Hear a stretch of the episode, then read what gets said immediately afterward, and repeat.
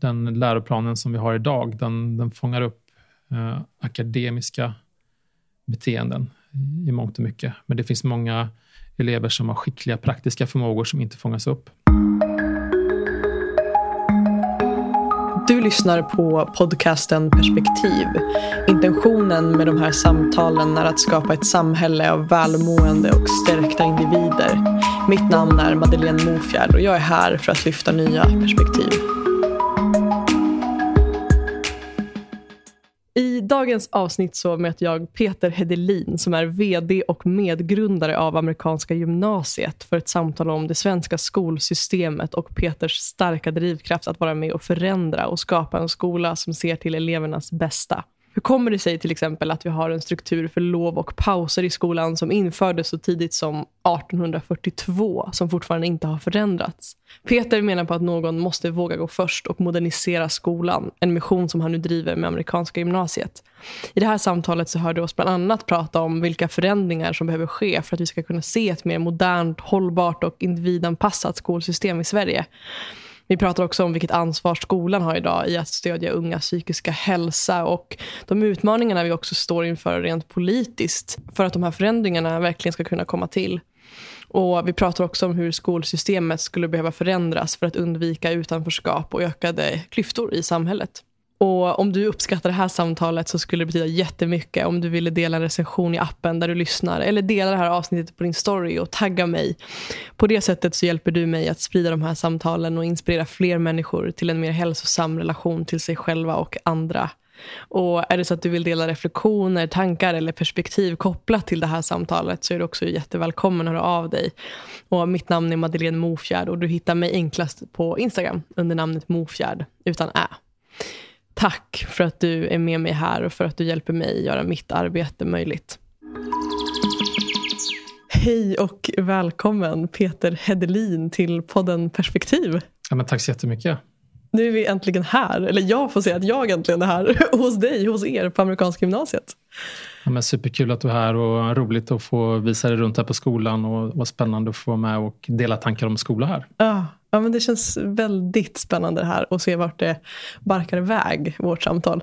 Eh, jag tänker att intentionen för vårt möte här idag är just att lyfta en del nya perspektiv när det kommer till skolvärlden. Eh, och jag tänker att i din roll där som vd och skolchef och medgrundare för amerikanska gymnasiet så, så hoppas jag och tror att du har mycket perspektiv just att dela i de här frågorna.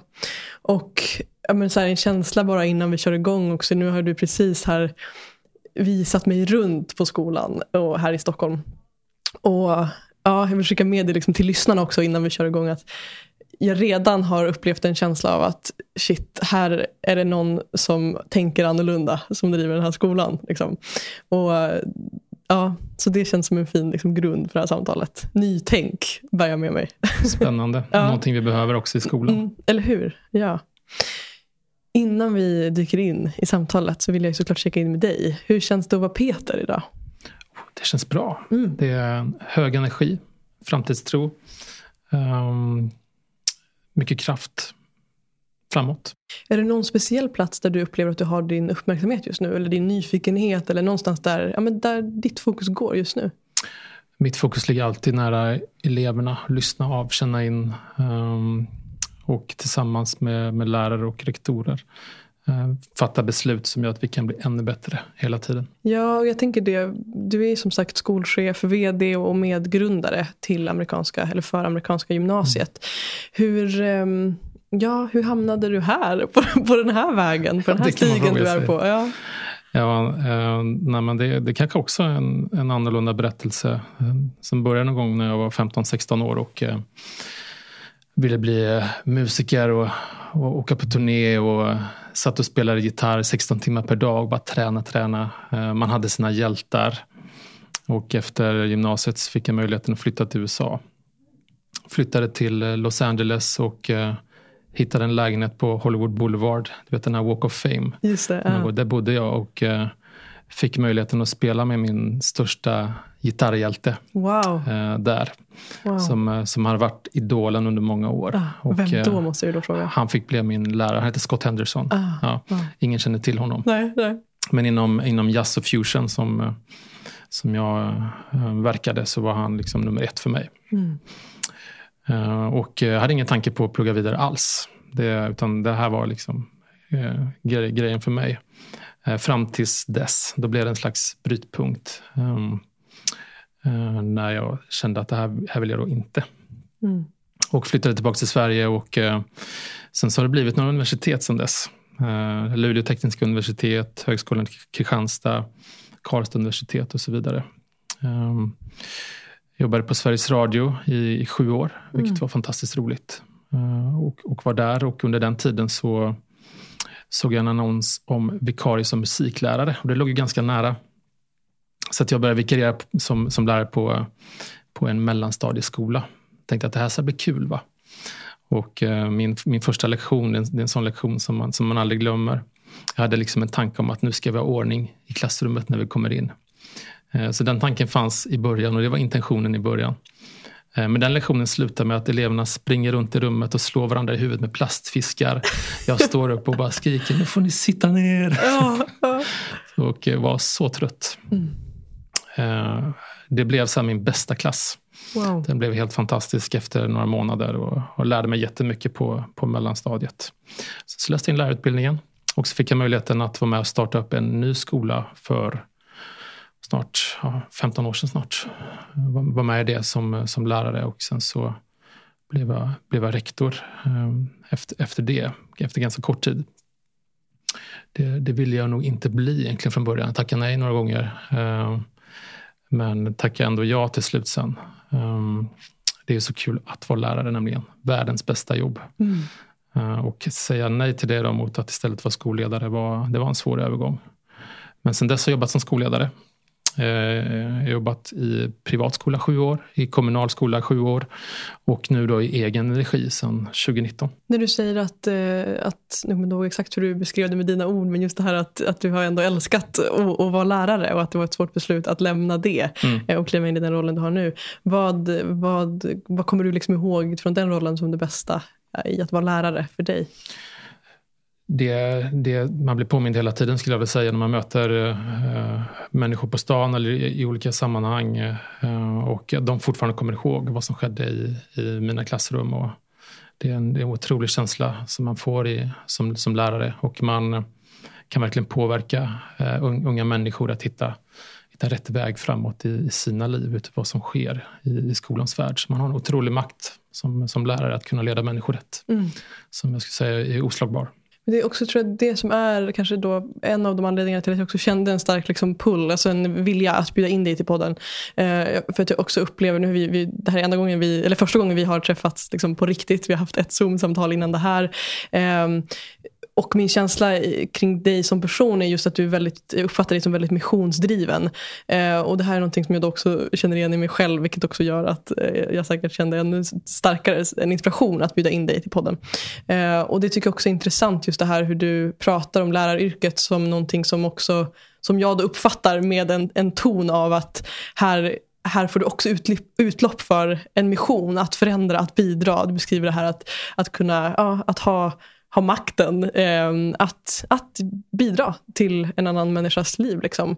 Eh, och det tänker jag är något som jag uppfattar även då i din roll idag som, som skolchef och vd för, för amerikanska gymnasiet som en drivkraft som kanske fortfarande bor kvar i dig.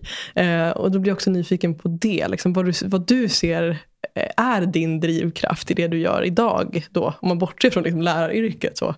Um, ja, vad är drivkraften?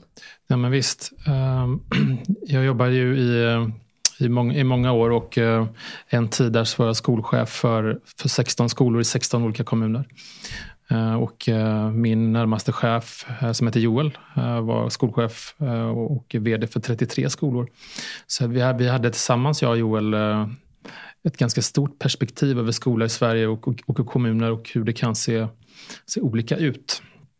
Trots att skolan får samma förutsättningar så blir det väldigt olika resultat. Och vi försökte, um, när kan det ha varit, 20, 2013 kanske? Att göra en förflyttning när det gäller vad är det vi behöver göra för att kunna eh, förflytta skolan framåt. Eh, och tittar man på forskning så kom det en stor rapport 2007 där man ser att vägen framåt för skolan det handlar om tillsammans att, att vi som lärare måste jobba mer ihop för att kunna möta de utmaningarna som samhället står i idag. Och då vill vi hitta en väg att kunna få mer tid tillsammans med, med lärarna. En ganska enkel tanke egentligen. Exakt. Men det var supersvårt. Ah. Då hade vi ganska många skolor försökt göra en sån liten förflyttning men det tog mycket kraft, mycket energi, mötte mycket motstånd för en mm. sån fråga som egentligen var väldigt positiv. Mm. Så då var det, var det Joel som kom med, eh, med tanken om amerikanska gymnasiet 2015 och jag hoppade på den direkt. Jag hade bott i USA eh, och eh, såg direkt vinsterna och vad vi saknar i den svenska skolan idag. Den svenska läroplanen är fantastisk. Ehm, har många, många fina skrivelser och mycket som är bra i den. Ehm, det står också saker i den svenska läroplanen som man i USA då lyfter fram på ett annat sätt. Okay. Exempelvis förmågor. Ehm, att träna eleverna till att bli starkare i sina förmågor. Det ska vi göra i Sverige med, men det glöms ofta bort. Man, man tittar mer på kunskapsinnehåll och så vidare. Ehm, så 2015 så föddes det en, en, en väldigt eh, stark kraft i att okej, okay, det var svårt att förändra befintlig skola, men vad händer om man om man gör det själv och, eh, och sätter spelplanen från början på något sätt. Så att de lärare som vill arbeta hos oss, de tänker som vi gör när det gäller kultur, värderingar, pedagogik.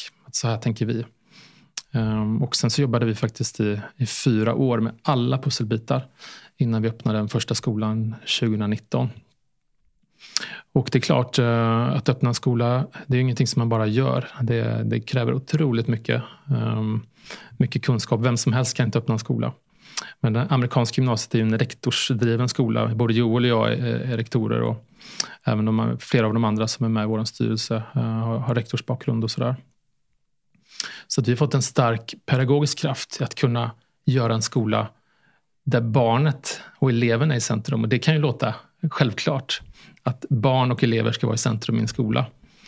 Eh, men eh, tror tro det eller ej så är det inte i svensk skola idag. Utan i svensk skola idag så är det de vuxnas behov som går först och barnen kommer i andra hand.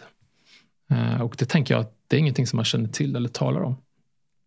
Men, men så är det. Och vi ville växla perspektivet. Vi sätter barnen först och så blir det också bra för de vuxna.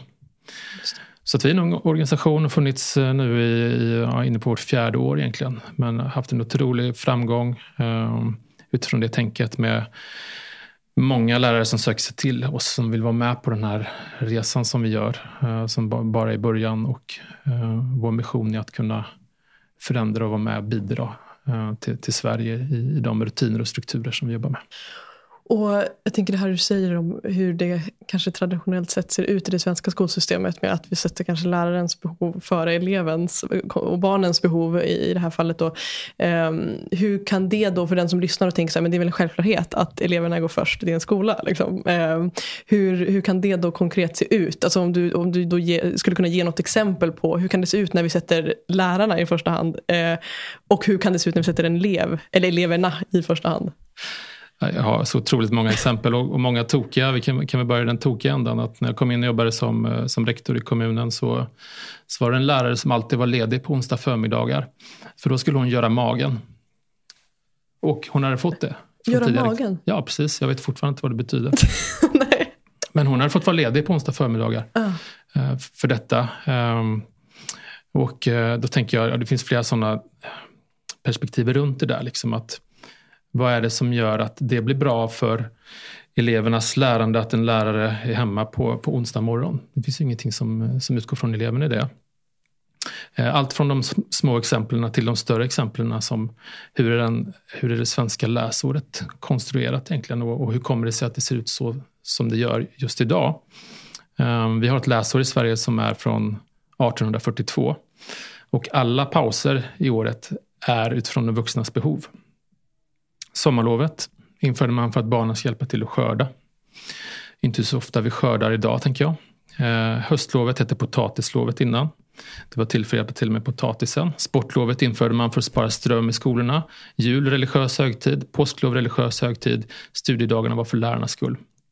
Det finns ingen pedagogisk tanke alls med det. Eh, och utmaningen som vi har i Sverige är att alla som jobbar i skolan själva gått i skolan i 16 år och vaggats in i de här strukturerna. Men det finns ju forskning sedan 1908 och framåt som visar att det här är fel. Och ingen gör någonting i Sverige i alla fall. Eh, många andra länder gör ju någonting annorlunda runt det där. Eh, England, USA, Danmark till och med och så vidare. Mm. Ta hand om det. Men idag så har vi ett sommarlov som skapar splittring socioekonomiskt som gör att klyftorna blir större i Sverige. Men väldigt få pratar om det. För om man pratar om det och ska ändra på det, då får det en konsekvens för de vuxna i skolan. Just det. Inte lika mycket ledigt eller? Eller Nej, vad, vad, händer då? Eller ja. Mm. Mm. På vilket sätt menar du att sommarlovet skapar eh, större klyftor? Eh, man har sett det bland annat i Majblommans rapport som har kommit att eh, har du då inte en, eh, en aktiv fritid, vilket man ofta har då i ett socioekonomiskt starkt hem, där man kan åka på kulturella besök, man kan få litteratur och så vidare, att man utvecklas under sommaren så stagnerar man. Och det finns en forskningsrapport från, från 2001 tror jag, som Lindahl har gjort här i Stockholm på några skolor, där man kan se en jätteintressant graf i hur mycket man avstannar under sommarlovet. Okay. Och den är jättestor i, i matematik, där kan man se det. Man kan också se det i språk. Men givetvis så är den generell för alla ämnen. Och har du inte en aktiv fritid under sommaren, du blir i, satt i avskildhet. Um, Sommarlovet är tio veckor. Mm. Eh, de vuxna har oftast semester i fem veckor. Det betyder minst fem veckor där du är själv. Då. Eh, det gör att det finns en, ett, en stor fallgrop liksom, socialt i det där. Och hur ser det ut då istället? Tänker jag? Hur har ni valt att göra annorlunda på eh, amerikanska gymnasiet med, med terminerna där? Ja, den fanns med oss från dag ett egentligen att vi vill ändra på terminsystemet. Så vi har ett treterminssystem med tre terminer istället, vilket är vanligt eh, i andra länder. Och det är samma antal skoldagar och samma undervisningstid. Men vi har gjort ett pedagogiskt skolår som gör att eh, stressen minskar i skolan. Man får en bättre balans under det mörka året. Vi kan investera mer i kompetensutveckling av, av lärarna utifrån den strukturen som vi har. Och eh, i enkelhet kan man säga att vi börjar eh, en vecka tidigare i augusti. Så runt den 10 augusti börjar vi. Det finns massa energi där. Eh, sommarlovet är för långt, om man vill komma igång. Och sen så i gengäld så har vi då två veckors eh, novemberlov, två veckors sportlov. Eh, jullovet är två veckor ungefär. Eh, och eh, påsklovet är som vanligt. Så att egentligen så har vi klonat jullovet och lagt tre jullov och satt ihop det med vårt terminsystem. Ehm, och då blir det en helt annan pedagogisk eh, tydlighet i, i upplägget på, på undervisningen där. Där man efter termin ett, man kan få en betygsprognos, man får det då hos oss, en betygsprognos. Och sen efter lovet så ligger utvecklingssamtalen. Samma efter termin två som slutar vid sportlovet så får man en betygsprognos och efter det så ligger utvecklingssamtalen. Och sen sätts alla betyg när kurserna är slut i, i juni. Så att elever de kan träna, de kan misslyckas, de kan utvecklas. Um, de vet precis hur de lägger till. De får möjlighet att träffa alla lärare de vill prata med. Formellt två samtal per år, men också givetvis löpande eh, under året när man vill och önskar. Vi har läxhjälp på schemat. Allting liksom upp, uppbyggt för att understödja att eleverna ska kunna nå så långt som möjligt och nå sin fulla potential på riktigt under, under gymnasietiden. Mm. Um, första utvärderingen uh, av det gjordes uh, för en liten stund sedan och ligger så man kan läsa den. Um, uh, det kommer krävas kanske en ja, upp mot tio år tänker jag innan man kan dra större slutsatser runt det. Men de tendenser vi kan se är mycket, mycket positiva. Mm.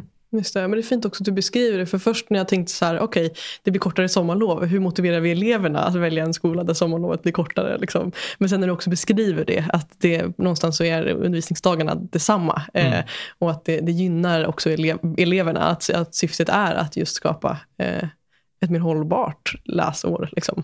Ehm, tänker jag. Mm. Du ska, om, man, om man har jobbat inom skolan och man lyssnar på det här jobbat inom mm. skolan så finns det ett fenomen som uppstår nu eh, runt jul och sen inför, inför sommarlovet. Så sista veckan innan en termin slutar så öppnar biosalongerna i skolorna. Då sitter elever och ser på film och lärare eh, visar film för elever egentligen generellt. Eh, gör man det. Jag har varit med och sett att man visat Titanic på tre lektioner.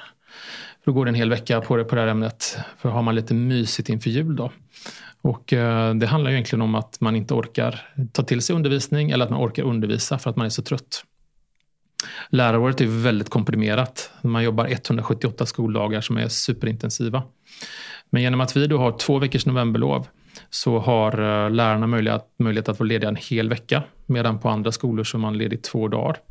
Så där har man en hel vecka ledigt och sen en hel vecka med kompetensutveckling där vi kan jobba med att utveckla lärarna, hjälpa lärarna, jobba med kvalitetsarbete och så vidare.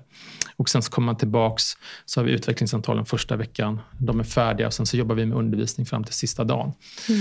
Så våra elever får ju mer eh, undervisning och en högre kvalitet hela vägen. Man kommer inte att få se på Titanic på, på våra skolor utan här kommer man få jobba och delta i undervisning och utvecklas hela vägen mot mål. Då. Och så kanske man får se Titanic hemma istället då? Då får man se på den hemma. Eftersom att man ändå har lite längre låd där. Ja, det är ändå fint. Och det kanske man hellre gör faktiskt. Ligger hemma i mysiga soffan än att sitta och längta hem i skolbänken. Liksom. Ja, men det är så det är i mm. arbetslivet med tänker jag för ja. som arbetar. Att vi arbetar, sen så går vi hem och så är vi lediga. Och vi vill efterlikna en sån miljö i skolan med våra normer, värden och våra rutiner och strukturer, vår kultur, värderingar och så vidare. Att det, det liknar det som hände sen. Mm. Jag tänker, du nämnde någonting också här tidigare när jag hörde dig prata om att, alltså, jag tänker förmågor kontra, eh, kontra kunskap och att ni på amerikanska gymnasiet vill lägga större fokus på just eh, förmågor. Vill du berätta lite mer om det? Hur du ser på, eller ni ser på skillnaden där mellan förmågor och kunskap? Mm, absolut, de hänger också ihop. Eh, genom att utveckla förmågorna så kan man få kunskaperna att fästa på ett annat sätt. Eh, Tittar man på en skillnad mellan det amerikanska skolsystemet och det svenska så tänker jag att vi alla som har eh, träffat någon från USA så känner man att det är väldigt självsäkra individer oftast. Och det är inte så att man är född till att vara självsäker utan det är en träningssak som man har fått genom skolan. Och eh, i USA är man mycket mer på, på scenen som, som elev, att eh, argumentera för sina åsikter. Man har till och med spelling contest, liksom, och tränar mycket att tala inför grupp. Då. Och det är en av våra grundbultar att utveckla ett personligt ledarskap hos våra elever. Och eh, det svåraste och tuffaste man kan göra när man går i nian det är att ställa sig framför sin klass och tala. Vi har alla någon slags minne av när vi gjorde det första gången. Exakt. Att det... Och kanske inte bara när man går i nian heller. Nej, nej det, det, det, var, det var inget kul liksom när man ja. gick över den tröskeln där. Och jag själv var supernervös i hela skoltiden, även gymnasietiden. Jag gick ändå musik och fick stå på scenen men du vet, man satt och skakade när man skulle stå framför andra. Och det finns många berättelser om det, liksom, hur man eh, har gjort taffliga liksom, framträdanden. Men när jag flyttade till USA, då fick jag stå på scen fyra, fem gånger om dagen. Och eh, det tog inte lång tid, någon månad eller två. Sen så försvann den nervositeten och blev någonting annat istället. Att det blev en slags energi, en slags fokus. Eh, och den förflyttningen gör vi hos våra elever också ganska snabbt ska jag säga. Eh, så vi börjar i trygghet eh, med att träna på att tala inför andra. Vi har designat speciella klassrum för det som heter Active Learning Classrooms. Där man kan stå framför en grupp om fyra elever. Och sen så börjar man i en trygg miljö. Vi tvingar aldrig upp någon på scenen utan man, man kommer hit och, och är trygg i det. Men titta på våra elever idag. Det är bara att gå runt här på skolan och prata med vem som helst som har tränat sig det. Man har, en, man har fått någonting annat. En annan självsäkerhet, en annan, eh, ett annat ledarskap. Man kan tala för sig själv, man kan argumentera. Och man har också fått med sig mycket kunskaper. För det man pratar om när man pratar framför klassen det är ju ämnesrelaterat, kursrelaterat. Så eh, vi ser en jättestark utveckling hos, hos våra elever. Och det är det som de behöver. Um, om du läser på logotyp där så står det amerikanska gymnasiet Get ready for the world. Och det är så arbetsmarknaden ser ut för våra elever. De har en internationell konkurrens uh, att, uh, att möta. Och vi vill hjälpa dem att kunna möta den mm. genom att uh, kunna tala för sig själva, argumentera. Och sen givetvis också då, svenska och engelska. Man behöver ha två akademiska språk idag. Precis.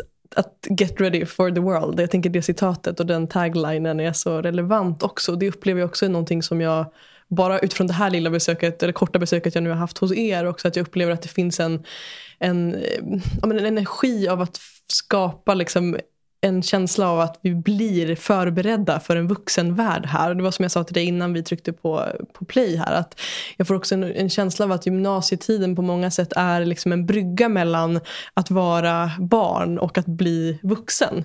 Eh, och att jag har minnen ifrån min skoltid där, där gymnasietiden, alltså det var kanske det mest slappa perioden i mitt liv. Liksom. Eh, och utifrån så här, den latheten, den slappheten. Det är klart att det var skönt för mig där och då att typ allt var väldigt slappt. Eh, men jag hade också varit väldigt tacksam idag om jag hade fått med mig andra värden ifrån den tiden. Liksom, rent kompetensmässigt. Så, så jag tänker att det, där finns, det finns något väldigt fint i det där. Att jag upplever att ni skapar liksom, vuxna individer också. Med hjälp av de värderingarna ni har med er. Eh, så. Så det tänker jag är någonting väldigt fint. Nej, absolut, och normer och värden, eh, det är ingen nyhet för, för den svenska skolan att, att det, det, är viktigt. Och många skolor har, har värdeord och så vidare. Men ofta så är det någonting som, som sitter på väggen medan, medan våra värdeord de verkligen sitter i hjärtat hos oss som är här och att vi tränar in eleverna i de normerna. Och som människor så följer vi alltid gällande norm på något sätt. Att kommer vi in i klassrum där det är lugnt, där det är studiefokus och där man deltar aktivt i undervisningen så gör vi också det.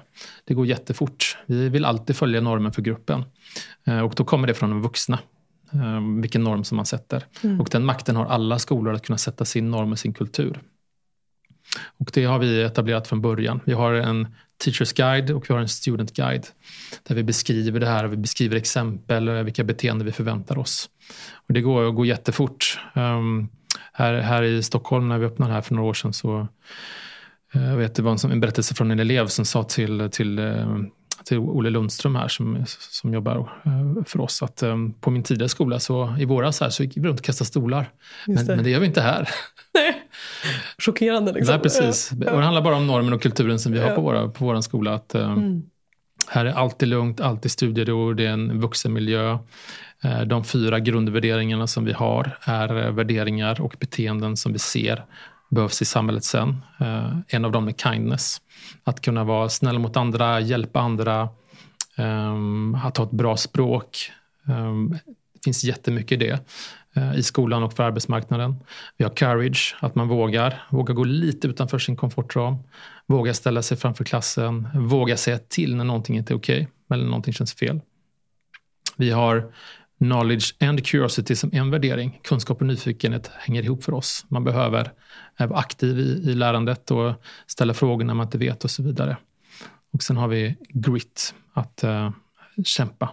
Inte ge upp, utan våga misslyckas i matematik. Vi kämpar lite till, vi lär oss lite mer, vi blir lite bättre och så vidare. Eh, och de fyra sitter ihop med vad som händer sen. Och får du verka i dem under tre års tid, utveckla ett personligt ledarskap och så vidare. Det är klart att du får bättre förutsättningar. Exakt.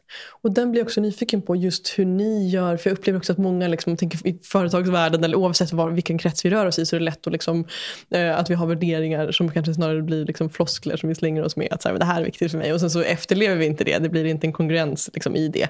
Eh, och, och då blir jag också nyfiken på hur ni gör för att just efter, eller upp, uppleva, vad säger man, efterleva de här värderingarna eh, som du nämner.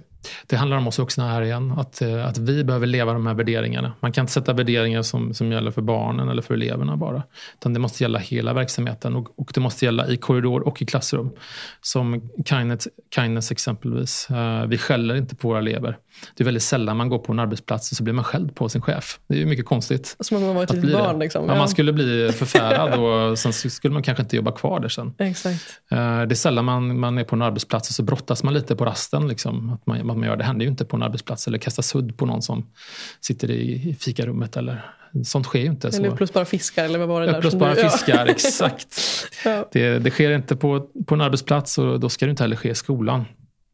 Och då är det vi vuxna som styr det och sätter normer och ramar. Och har man en tydlig ram så följer man den tydliga ramen. Eh, egentligen ganska enkelt, men det kräver ett starkt tillsammans att alla lärare tänker samma om detta. Att man jobbar tillsammans med lärarna löpande under året innan man börjar. Och så vidare. Så att man etablerar en förståelse för varför vi gör på vissa sätt. Mm. Ja, och, den, ja, och det låter ju så enkelt när du pratar om det. Liksom. Och, så, och så tänker jag då tillbaka på alla de klassrum jag har suttit i där, där jag rent ut sagt tycker synd om läraren. Därför att så här, de här exemplen, jag tänker som du också drog här i början, att exemplen där det snarare är eleverna som har kontrollet över klassrummet. Liksom, mm. att vi har, det finns för många sådana exempel upplever jag och som jag själv har upplevt. Um, att, ja, att, att och då, att jag kommer då här till era lokaler och får se, jag tänker ni har liksom glas, glasväggar in till varje klassrum mm. och jag har fått gå runt här och se på hur eleverna, jag upplever att det finns ett engagemang. Jag har inte sett någon kasta ett suddgummi eller någon ligga i hörnan och liksom uh, slappa, vad vi nu vill. liksom, vad, vad jag nu hade förväntat mig. Att det finns ett helt annat engagemang. Liksom. Och den är spännande för att jag tänker också att att när det kommer till ledarskap och som du är inne på det här med att lärarna inte heller ska Eh, jag vet inte vilket ord du använde, men just att inte skälla på eleverna. Mm. Att det finns också någonting i det där att hur sätter vi tydliga ramar utan att bli diktatörer som dikterar villkor, fast gör det på ett väldigt snällt och liksom ödmjukt sätt. Att, ja, den, är, den är intressant, den frågan. Mm. Och uppenbarligen har ni lyckats med det. Absolut, och vi, vi, vi kallar det grundförutsättningar för lärande som vi har. Så att vi, vi har, har dem. Um, utifrån skollagen så ska man förhandla ordningsreglerna varje år. Men våra ordningsregler är någonting annat än våra grundförutsättningar. Uh, grundförutsättningarna de, de utvecklar vi tillsammans med alla lärare och alla elever på alla våra skolor och uppdaterar dem i små nyanser varje år. Så att de har kommit ganska långt. Eh, och hittills egentligen inte några klagomål eh, på dem utan bara små nyanser som gör att man kan utveckla dem. Då. Ehm, tittar man på hur våra lektioner börjar och slutar exempelvis så är det en sån grundförutsättning som vi som vi inte förhandlar under året egentligen. Och eh, som ett exempel, eh, börjar lektionen 11.30 så är alltid läraren inne i rummet före lektionen börjar. Så man öppnar dörren 11.30 Um, så det är inget drop-in där man går in och så, och så vidare. Utan man kommer in 11.30, läraren står vid dörren, hälsar, säger välkommen, man får en trevlig, en trevlig liksom start. så. Säkerställa att inte några mobiltelefoner är med och att inga ytterkläder eller, eller så på, in i klassrummet. Sen står man upp bakom sin, sto, sin stol. Man får alltså inte sätta sig ner. Utan man står upp och sen säger läraren hej, välkomna, varsågod och sitt. Och så sätter man sig ner. Um, konsekvensen av det är att alla lektioner börjar i lugn. Eh, bara på en sån sak. Istället för att det är drop-in. Läraren får springa runt och tysta lite nu, tyst nu, nu ska vi börja. Hallå allihopa, nu ska vi börja. Och så blir det en start som inte blir bra på en lektion. På samma sätt när vi slutar en lektion eh, så säkerställer eleverna att borden står i 180-gradiga vinklar så att det är helt rakt. Raka stolar, raka vinklar. Man står bakom och säger tack för idag, roligt att se, bra jobbat. Så hälsar man på varandra så går man lugnt ut. Då kommer man lugnt ut i korridoren och så är man lugn in till, till sin nästa lektion. Mm. Det har gjort att 98,5 procent av våra elever upplever upplever att det alltid är studiero på, på lektionerna. Wow. Häftigt. Ja, bara, men det är en gemensamhet mm. Mm. som krävs i det där. En enskild lärare kan, kan inte göra det. Man måste jobba i team på skolor. Och eh, det betonar vi. Ah, men det är också så spännande. Jag vet ju också att ni är mycket inne på just också hur vi kan jobba med liksom huret. Alltså hur kommunicerar vi ramar på ett sätt som blir eh, mer kärleksfullt. Mer liksom, att det blir med en ödmjukhet. Snarare än att det blir bara regler som vi sätter utifrån ett, liksom, en högre makt. Liksom, att läraren, um, ehm, och där upplever jag också att det finns ju någonting fint i någonting som jag också hört dig prata om innan det här samtalet som vi nu har. Om det här att också ha fokus på vilka tillstånd vi skapar i klassrummet. Uh, och där tänker jag också att, att sätta en sån ram skapar skapar också som du beskriver tillstånd av, av lugn, ro. Eh, att, det, att det väcker något helt annat. Liksom, än att, ja, det, jag kan tänka mig att det där föder mycket spännande. Liksom. Nej, absolut. Och, och det, det lärarna står i idag, det är en det är en stor utmaning som man har i skolsverige idag och utmaningen kommer bli ännu större skulle jag vilja säga. Eh, vi har en generation som eh, har blivit uppvuxna med Facebook, Instagram, Snapchat och så vidare. Och nu kommer en TikTok-generation in i skolan där man är egentligen överkonsument i snabba klipp. Då. Och eh, när man är det eh, och, och eh, blir stimulerad på det sättet och sen ska man gå in i ett klassrum um, då kan inte vi i skolans värld göra på samma sätt. Att vi blir ett slags TikTok. Det, det blir inte bra. Utan mm. vi måste jobba med lärande på ett annat sätt. Att vi skapar tillstånd för lärare, lärande.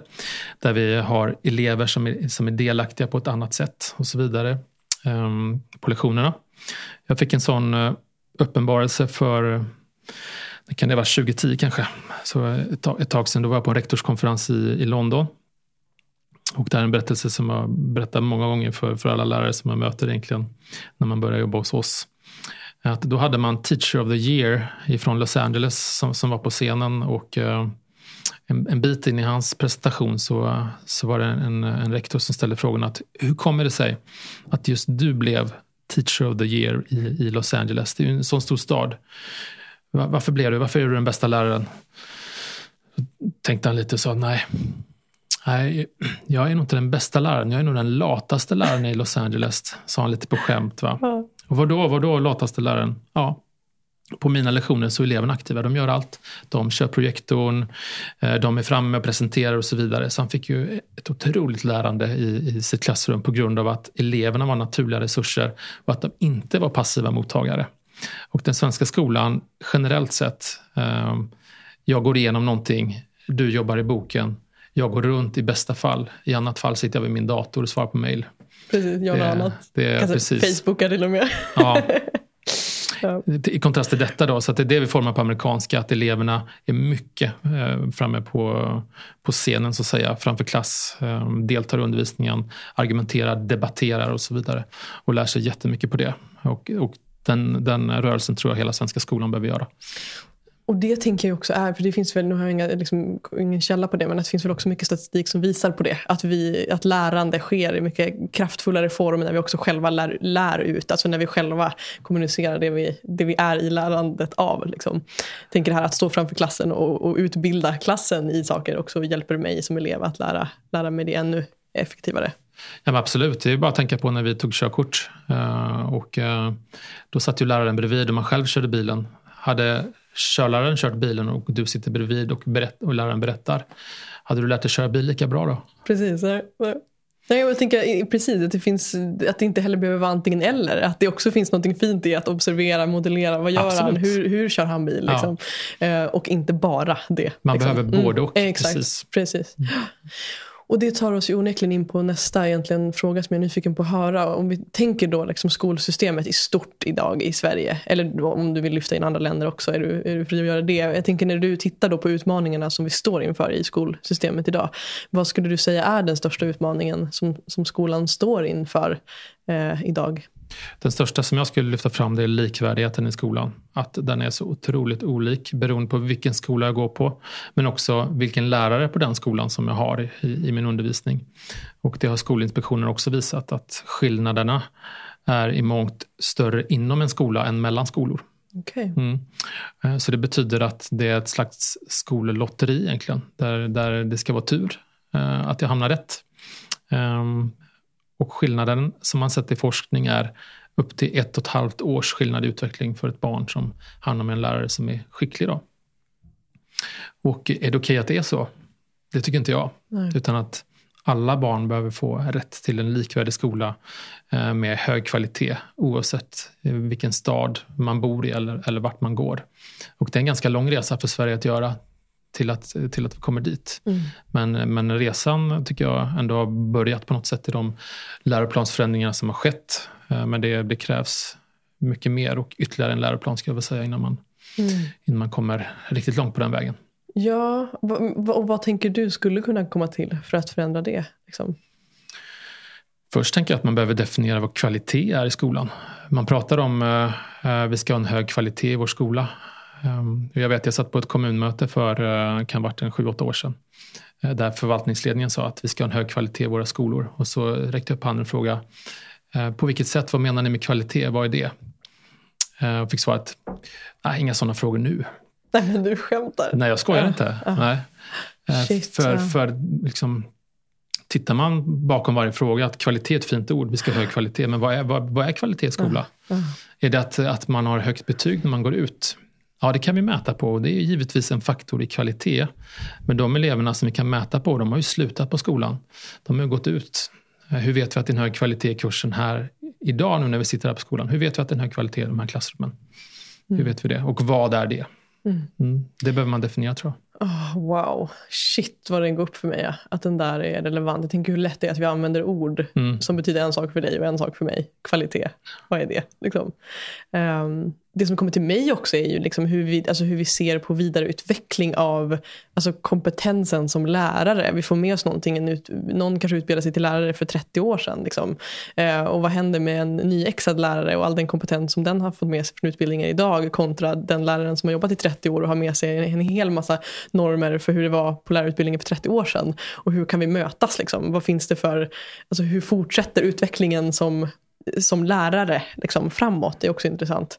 Eh, hur det skulle kunna ske på liksom en, en, en allt mer utbredd nivå eh, är också intressant, tänker jag. Mm. Lärarutbildningen har blivit bättre, upplever jag, på, på de uh, nyutextade som söker, söker till oss. Uh, att det finns uh, att det gått åt rätt håll där, men att det fortfarande är mycket långt kvar innan man kan forma en lärarutbildning som på riktigt hjälper lärarna i det de ska möta när de kommer ut. Ehm, som på riktigt kan etablera eh, hur man arbetar med sitt ledarskap i klassrummet, hur man arbetar med bedömning av undervisningen eh, och att man kan etablera ett starkt tillsammans eh, under lärarutbildningen, för, för det är enda vägen fram. Och det är ju parametrar som vi känner till och vet om. Lärarutbildningen är fortsatt, skulle jag vilja säga, mycket fokuserad på ditt ämne. Eh, så läser du till lärarhistoria så läser du väldigt mycket historia och det behöver du givetvis ha med dig. Eh, kommer vi ut i skolan sen, ehm, då är huret, skulle jag säga, eh, viktigare än vadet. För att du har ett Nobelpris i fysik. Det är kul för dig att du har det. Spelar mindre roll för dina, för dina elever om de inte lär sig någonting av dig. Utan konsten att lära ut ditt ledarskap, i hur du kan skapa tillstånd i ditt klassrum, 90 eh, procent kontra 10 procent ska jag säga innehåll. Precis. Och lärarutbildningen idag kanske är tvärtom då. I värsta fall att 90 procent innehåll och 10 procent hur. Mm. Och sen så kommer man ut och möter det omvända. Um, så därför, vi på amerikanska, vi har grundat en academy nu där vi uh, sätter en tioårsplan för varje lärare som börjar dina tio första år på AG. Hur kan vi hjälpa dig att nå din fulla potential som lärare under uh, dina tio första år hos oss? Mm. Jag får rysningar när du nämner det. För jag också mm. tänker att det, det var nog det jag också var inne på när jag, när jag pratade här innan. Att jag tänker att det behöver till, alltså på alla skolor. Jag tänker att det blir, och egentligen om man tänker över alla branscher, det är så lätt att vi får en utbildning, får en titel och sen så är vi liksom klara där. Eh, men att, att, ja, att hur kommer vi ifrån den liksom stagnationen och kommer in i utveckling eh, igen. Liksom, fortsätter den utvecklingen. Så det är väldigt fint det du beskriver där, att ni har skapat det.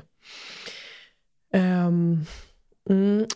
En annan sak som jag tänker är intressant utifrån det samhälle som vi lever i idag. Eh, där vi kan se att den psykiska ohälsan bland unga framförallt, eh, även äldre, men om vi då tittar på de unga idag, eh, blir allt mer utbredd. Allt, allt fler unga äter antidepressiva till exempel. Eh, Ja, och det är någonting som oroar mig mycket. Och någonting som jag också upplever då, jag tänker att skolan skolan också behöver ju någonstans där också vara någon typ av pusselbit. Och jag tänker att här idag har vi pratat mycket om och du lyft de här värdena av att liksom, eh, stärka eleverna i, i, i, kompetens, i kunskap och så vidare. Och i, eller i förmågor snarare då framförallt. Eh, och, och att jag då undrar och blir nyfiken då på vart ni på amerikanska gymnasiet ser er del i att också skapa elever alltså välmående elever eh, och, och vara en, en, pusselbit i att bidra till att den psykiska ohälsan inte ökar ännu mer. Eh, så. Ja, eh, det är en stor utmaning skulle jag vilja säga och en ökande utmaning. Ehm, tittar man på skolan så som kraven är formade på eleverna idag så är kraven betydligt högre än vad de var på 90-talet. Ehm, sen 2011 och den nya läroplanen så är det supertydligt i vad man ska eh, kunna inom, inom olika kurserna. Och kraven är också ställda väldigt högt. Eh, nu har man justerat eh, något här i, i somras, i sommaren 22. Just i hur lärarna kan sätta betyg och eh, att man kan göra en samlad bedömning på ett annat sätt. Att man från Skolverkets håll etablerade en annan typ av kunskapssyn. Vilket eh, egentligen var nödvändigt. För jag skulle nog säga att skolan till och med varit en bidragande orsak till den ökade psykiska ohälsan. Och eh, precis som för oss vuxna som för eleverna så behöver man ha balans i sitt liv. Man behöver ha två starka ben att stå på. Ett på arbetet och ett hemma.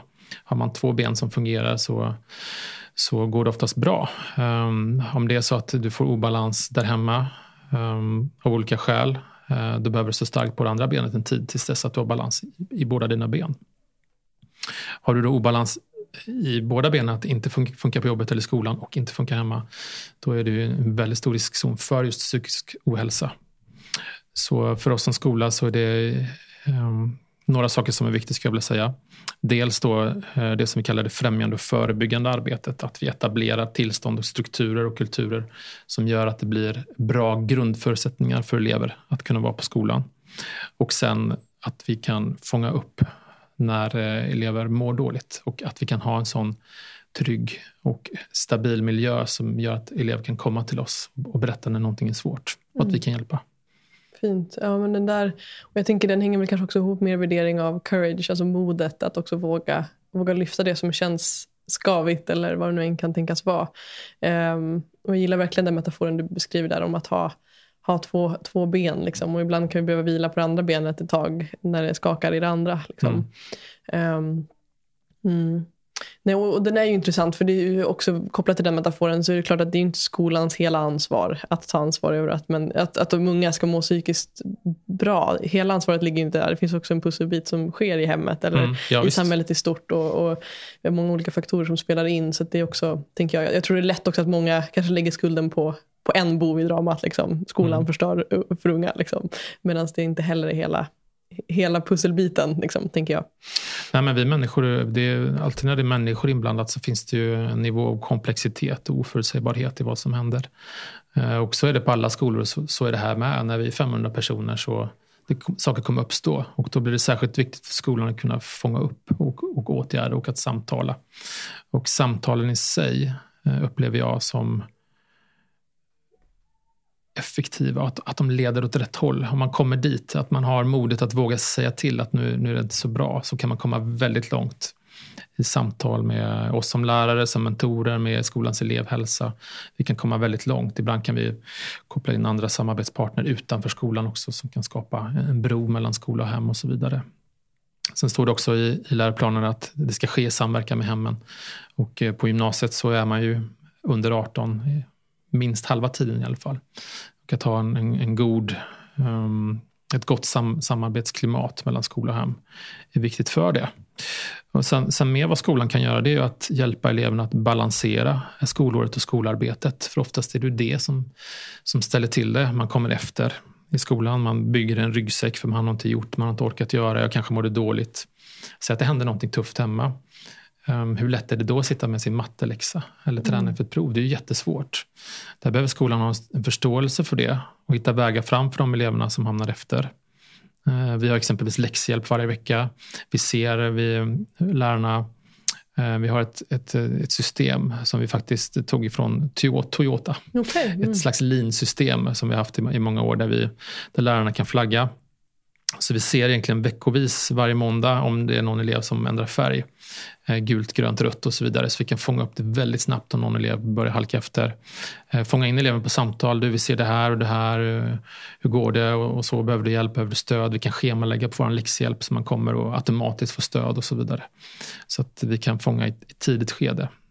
För det vi vet, det är ju att saker kommer ske när det är människor inblandade. Och att låtsas som att ingenting sker, det tror jag är helt fel. Utan man måste vara förberedd på att det, vi kommer möta eh, barn med psykisk ohälsa. Hur kan vi hjälpa dem? Mm, precis. Ja. Mm. Mm. Ja, jag tänker hur, om vi tittar då framåt, eh, säg tio, på en tioårs liksom, horisont. Um, vad tänker du, eh, om du får drömma fritt liksom, och inte ens kanske drömma utan liksom, koppla på, ja, men vad, vad tänker du då att skulle kunna vara, säg tre stycken eh, verkligen fundamentala förändringar som skulle behöva ske i det svenska skolsystemet ehm, för att leda skolan åt rätt håll. Vad skulle de tre sakerna då vara? Det finns en väldigt stor förändring som skulle betyda mycket. Det gör man med en läroplansförändring, kan, kan fånga upp alla barn. Ehm, alla barn är, är unika. Ehm, den läroplanen som vi har idag, den, den fångar upp Eh, akademiska beteenden i, i mångt och mycket. Men det finns många elever som har skickliga praktiska förmågor som inte fångas upp. Det finns en andel elever som eh, kognitivt inte kan klara den läroplan som är idag. Det är omöjligt för dem att klara. Och då hamnar man i ett utanförskap. Eh, och alla vi människor vill, behöver ju, eller har någon typ av behov av att lyckas och att hävda oss själva. Och kan vi då inte lyckas på skolans villkor så händer det andra saker som blir negativa för individen, individens hälsa, eh, negativa för andra i skolan. Man ställer oftast till det, stökar till det istället för att att, att be om hjälp. Så en läroplansförändring eh, som fångar upp alla barn där läroplanen utgår från barnen och som också då blickar framåt. Vad behöver samhället ha för kompetenser och hitta den bryggan mellan barnets olika förmågor och samhällets behov. Skulle man få till det eh, så skulle det bli, betyda otroligt mycket för utanförskapet i Sverige. Det jag säga nummer ett, hitta mm. en läroplan som fångar upp dem som ramlar utanför idag. Och det är mellan 15 och 20 procent av barnen som faller utanför idag. Mm. Det är ganska många otroligt många som faller utanför, som inte klarar grundskolan, som inte klarar gymnasiet. Eh, vi ser en ökad kriminalitet. Eh, vi ser flera faktorer i, i, i samhället. Tittar man på statistik från 94 och framåt när man ändrade. Man ser avhoppen ökade dramatiskt när man införde betyget, betyget icke godkänt. Mm. Det finns kvar, kvar idag. Man, man hamnar utanför. Ja, och exakt som du säger, det där kanske är den, ja, den mest fundamentala biten i det hela. Upplever jag. du att man pratar mycket om det politiskt? Nej. Nej. Nej, inte man alls. Inte det. Nej. För den här typen av frågor mm. skapar konsekvenser för de vuxna. Mm. Mm. Ja. ja. exakt. Och vem är villig att ta i det? Liksom? Mm. Precis. Ja. Nej, men precis. Och det, och det blir då väldigt sorgligt. Tänker, då pratar man istället politiskt om vad vi ska göra Alltså, jag tycker det, frågorna blir så mycket större än vad de hade behövt vara. Liksom. Och som du pratade om det här utanförskapet. Att, tänk om vi hade kunnat förebygga det eh, redan i skolan. Och också fånga upp jag tänker, de eleverna när vi börjar se liksom, varningstecken. kanske. Om det är kopplat till psykisk ohälsa eller att vi ser mönster som inte upplevs som hälsosamma. Eller vad det nu kan vara i elever. Att också så här, hur kan vi fånga upp det i en tidig ålder istället för att låta det gå tills att de är 25 och hamnar i gäng, gängkriminalitet eller vad det nu kan vara. Liksom. Att ja, också se att, att det finns saker att göra innan saker och ting går snett. Liksom. Jag noterade bara för, för någon, någon vecka sedan här någon uh, artikel där man hade forskat på de som satt i fängelse för våldsbrott. Och andelen som hade någon typ av diagnos av dem var upp mot 97 procent som hade det. Och de här barnen ser vi i skolan tidigt. Och anledningen till att de hamnar där det är ett utanförskap som har skett, som är format av skolan som absolut inte behövs och som vi vuxna har faktiskt en kraft att förändra om vi sätter barnen först. Men vi gör inte det, utan vi sätter de vuxna först och vi sätter den politiska agenda först. Där politiska poänger är mycket viktigare än att göra skillnad för barn på riktigt. Mm.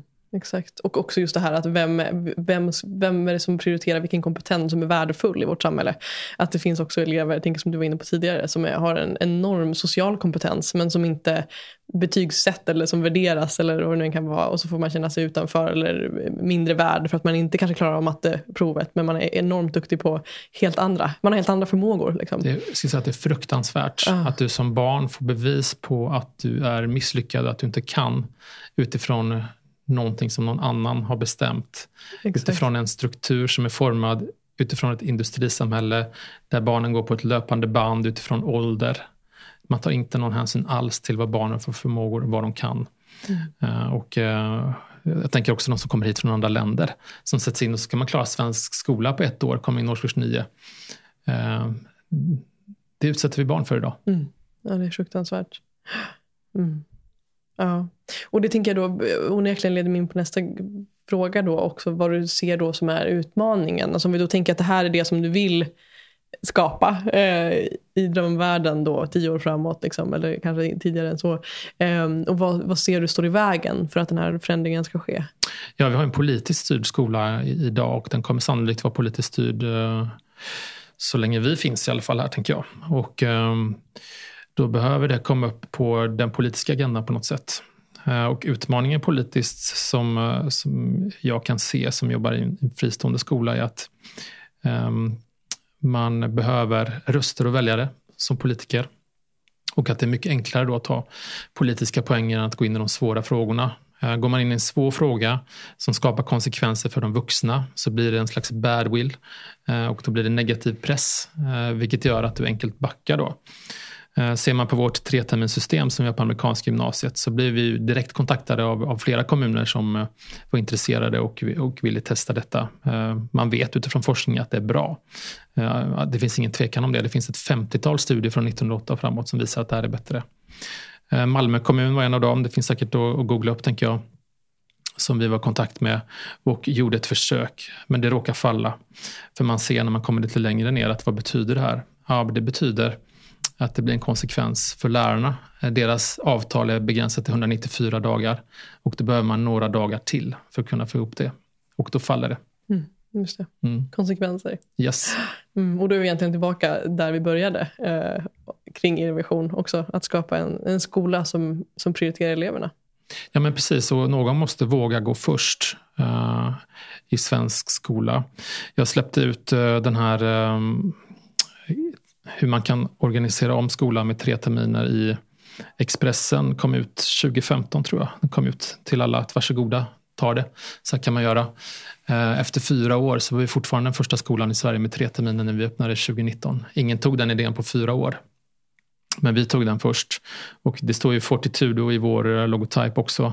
Som är latin och betyder mod, tapperhet. Att någon måste våga gå först, våga visa vägen som andra kan titta på. Mm. Det kommer ta oss en 10-15 år tänker jag. Mm. Men uh, vi vill vara med och utveckla och förändra och få en betydelse för barnen på riktigt. Mm. Fint. Wow. Fina slutord också. Ja. Eller leder oss in till avrundning i alla fall, åtminstone. Um, jag tänker för de som är nyfikna på Ja, men egentligen helheten kring det vi har pratat om idag eh, och teman som rör de här frågorna liksom, och vill dyka in djupare i de här ämnena. Har du några boktips att dela med dig av som har varit betydelsefulla för dig i din resa? Jag tänker det kan handla om ledarskap eller skol, ja, någonting som känns relevant för dig att dela. Absolut. Eh, min, eh, min nummer ett ska jag säga är uh, Start with Why. Uh, tror den heter av Simon Sinek har du säkert stött på. Yes. Den finns också, jag kom i kontakt med den via film först egentligen, men en fantastisk bok. Um, sen Good to Great, uh, Jim Collins, också en, en känd bok. Uh, och sen ska man lyckas få ihop allt det här. Och uh, då är, finns det en författare som heter David Allen som har skrivit en bok som heter Getting Things Done som, mm. som förändrade min struktur i alla fall i hur jag kunde jobba och vara effektiv. Mm. Häftigt. Mm, så det är tre bra tips. Fint, mm. tack. De bär jag med mig. Och för lyssnarna som är nyfikna på att komma i kontakt med dig, Peter, hur eh, gör de på bästa sätt det? Jag finns på, på LinkedIn. Där, där är jag mycket. På Peter Hedelin. Eh, eller eh, Instagram med, den, med det fyndiga namnet Headmaster. Yes. um, har, har där, eller, eller mail. Och man kan alltid gå in på amerikanskagymnasiet.se och nå mig eller oss där. Jag har också tankar om skola som vi har skrivit på amerikanska gymnasiet om hur vi tänker runt skola och, och vad vi ser är viktigt. Så att där får man gärna gå in och kika och höra av sig om man är nyfiken. Fint, tack. Och om du fick möjlighet att nå hela världen i 30 sekunder, vad skulle du då vilja förmedla jag skulle vilja säga att eh, skolan på, på, riktigt måste utgå ifrån barnen och inte de vuxna. Och att det är en, en omställning som eh, Sverige behöver göra. Jag hoppas att det inte tar för lång tid, men den omställningen behöver börja. Även om det blir konsekvenser för de vuxna så kommer det ändå bli väldigt bra för de vuxna. Vi har supernöjda lärare på, på våra skolor. Ehm, så att påbörja det man måste också förstå att varje barn har en plats och en funktion i det, det framtida samhället. Och vi behöver utgå från barnen när vi har skola. Det ska jag säga. Mm, snyggt, fint. Och är det någon fråga som du känner så här, men det här skulle jag vilja bli frågad nu? Någonting sådär som du känner att du inte har fått sagt som du vill lyfta innan vi skiljs åt här idag? Hur gör man för att söka ett amerikanskt gymnasium? ja, den är relevant. Hur gör man egentligen? Ja, man, man söker via gymnasieval såklart. Och är, är man lärare så finns det faktiskt um, möjligheter att uh, söka uh, till oss nu. Så att vi har lagt ut en förannons inför hösten 2023. Så att är man intresserad av oss och delar våra tankar och värderingar så, så är man välkommen med sin, uh, sin ansökan. Vi läser allt och tittar på allt som, som kommer in. Och vill man besöka oss finns det också öppna hus. Så ja, det, man är välkommen här. Finns på mm. vår hemsida. Och tips till dig som lyssnar som, har, som kanske inte själv är i gymnasieåldern utan har barn så kan man också jag varmt tipsa om att skicka länken till det här avsnittet till, till din tonåring som ska välja gymnasiet. Tusen tack Peter för tack den här själv. timmen. Så värdefullt. Och eh, till dig som har lyssnat, tusen tack. Och jag vågar säga vi, jag i alla fall, ser fram emot att höra hur det här landar i lyssnarna. Så tack. Tack så mycket. Tack till dig som har varit med oss i det här samtalet. Jag ser fram emot att få möta dig som lyssnar och ta del av hur det här samtalet landar i dig. Vilka tankar, insikter och kanske till och med triggers växer dig. Det skulle betyda allt om du delade med dig till mig på sociala medier. Skriv till mig eller posta på din story och tagga mig så låter vi det här samtalet leva vidare. Du hittar mig på Instagram under namnet Mofjärd utan ä och på Facebook vill jag också välkomna dig till den slutna gruppen Mofjärd Community där vi möts för att prata vidare och lära oss av varandra och, och varandras perspektiv. Du hittar länken i beskrivningen till det här samtalet. Tack igen för att du är här.